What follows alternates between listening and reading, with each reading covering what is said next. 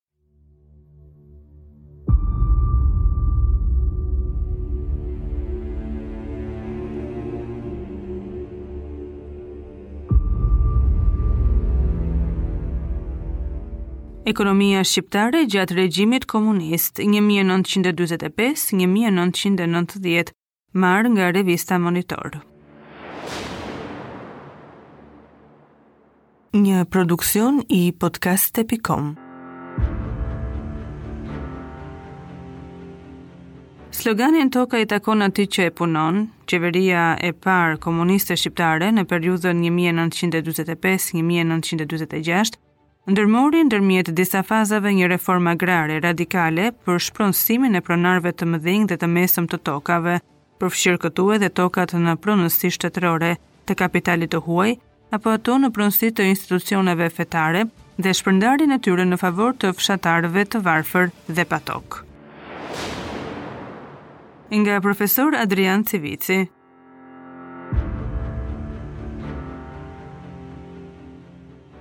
Kolektivizimi integral i bujqësisë.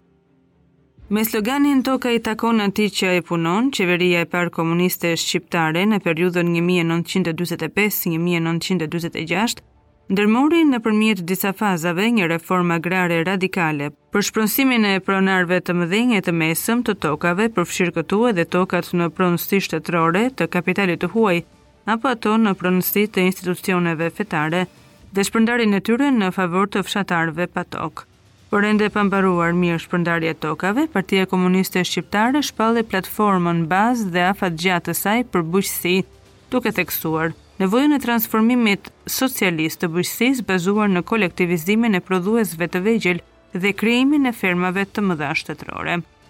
Kolektivizimi i bujqësisë duhet të shërbente dhe për të aplikuar teorinë e planifikimit të centralizuar në bujqësi, e cila ishte inkompatibël me strukturën e prodhuesve të vegjël privatë dhe individualë.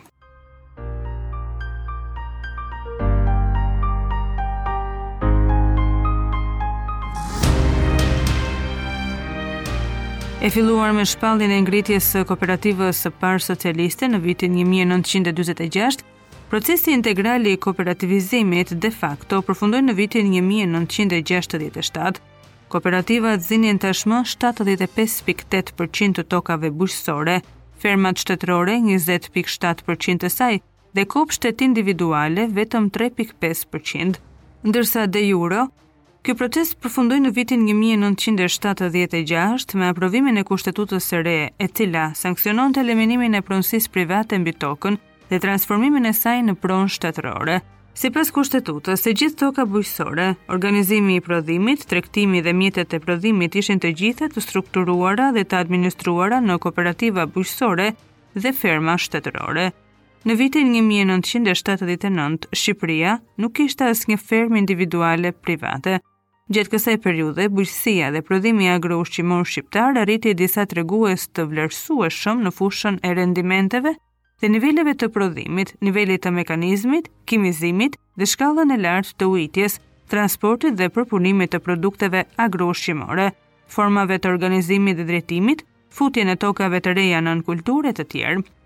Përthellimi i politikave centralizuese, degjenerimi i situatës në kooperativat dhe fermat shtetërore, kërkimi i rrugëve të reja origjinale në emër të mbrojtjes së doktrinës nga ana e drejtuesve të shtetit shqiptar, siç ishin për shembull, krijimi i kooperativave të tipit të lartë, i sistemit të tufëzave, të arëzave e të tjerë, e çuan drejt kolapsit.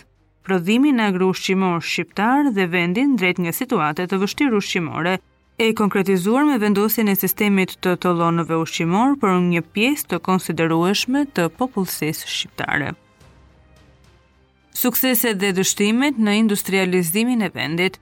Komunistët shqiptarë që do të përcaktonin ecurinë e vendit për një periudhë të ardhshme 45 vjeçare, me të ardhur në pushtet në nëntor të vitit 1944, deklaruan si objektiv primar transformimin e Shqipërisë në një vend agrar dhe gjysmë feudal, drejt shndërrimit të tij në një vend agroindustrial, për të kaluar më vonë drejt një stadi industrialo-agrar, i cili pritej të konsolidohej në vitet 1980 1990.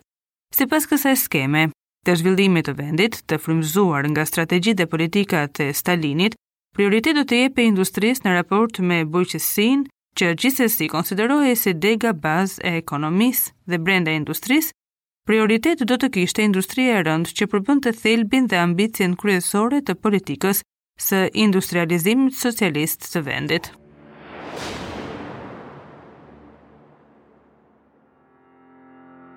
Rezultatet e para të kësaj politike ishin inkurajuese dhe brenda një periudhe 1950-1960, industria vendase arriti të katërfishojë prodhimin e para luftës së dytë botërore. U zhvilluan nxjerrja e naftës dhe mineraleve të tjera. U rikonstruktua një pjesë e madhe e rrugëve dhe urave, industria tekstile dhe ajo ushqimore. Në vitin 1960, industria kontribuonte më shumë se 50% të prodhimit të brendshëm bruto në vend dhe Shqipëria shpallte tashmë realizimin e ndërtimit të bazës ekonomike të socializmit. Ndërkohë prishja e marrëdhënieve të Shqipërisë me Bashkimin Sovjetik dhe dalja e saj de facto nga kampi socialist pas viteve një mijë e nëntëqind e gjashtëdhjetë e ridimensionoi së tepërmi ambicien dhe strategjinë e saj për industrializim. Në politikat e zhvillimit të vendit hyri gjithnjë e më shumë koncepti dhe praktika e mbështetjes vetëm në forcat e brendshme.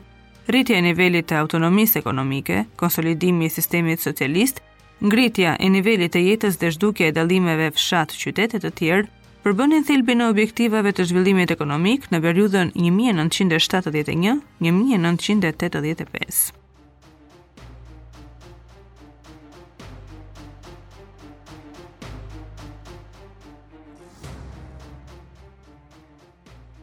Por në vitet 80, ashtu si në shumë vende të tjera lindore me ekonomi socialiste, regjistruan dhe fillimin e rënies me shpejtësi të niveleve të rritjes ekonomike. Shqipëria kishte arritur tashmë në fund të mundësive të fazës ekstensive dhe rrugëve të reja origjinale të zhvillimit të eksperimentuara prej saj. E privuar nga kapitale të huaja, të cilat konsideroheshin si instrument skllavërues dhe ndaloheshin me kushtetutë, e arritur në limitet e rezervave dhe mundësive të saj të brendshme dhe njëkohësisht si pasojë e efekteve dhe gabimeve të akumuluara në shumë vendime e zgjedhje thelbësore të politikave të saj ekonomike, rritja prej 5% u vërtetua në vitet 70 nuk ishte më shumë se vetëm 1% në 10 vjeçarin vijues. Kriza totale e sistemit socialist 1980-1990 Në dekadat e fundit të viteve tetëdhjetë-nëntëdhjetë, ekonomia shqiptare shfaqi shenjat e një krize totale. Mallrat e konsumit të gjerë filluan të mungonin në masë, duke kaluar në sistemin e tollonëve ushqimorë për popullsinë, eksportet u ulën, ndërkohë që kërkesat për importe të nevojës së parë shtoheshin vazhdimisht.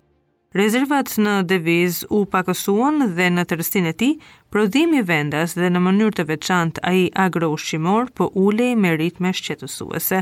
Disekuilibrat makroekonomikë u thelluan, deficiti buxhetor u rrit së tepërmi, duke arritur në gjashtëmbëdhjetë pikë gjashtë për qind të prodhimit të brendshëm bruto, rritje ekonomike modeste, një deri në dy për qind e verifikuar në periudhën tetëdhjetë tetëdhjetë e pesë, u bë negative gjatë viteve tetëdhjetë e pesë, nëntëdhjetë. Në fillim të vitit nëntëdhjetë e një, borxhi i jashtëm e kaloi masën në tridhjetë për qind të prodhimit të brendshëm bruto. Vendi ra në një krizë të thellë ekonomike dhe financiare, dhe sistemi i ekonomisë së centralizuar nuk dispononte më asnjë mjet apo mundësi që ta ndalte atë. Në një kuptim të gjerë, me gjithë disa tentativa për modifikimin e politikës ekonomike dhe lejimin e disa elementëve të ekonomisë kapitaliste, kjo ishte një krizë e vetë sistemit socialist dhe për pasojë nuk mund të zgjidhej pa e ndryshuar atë. Njëqind vjet, ekonomia shqiptare gjatë regjimit komunist 1945-1990, Marrë nga revista Monitor.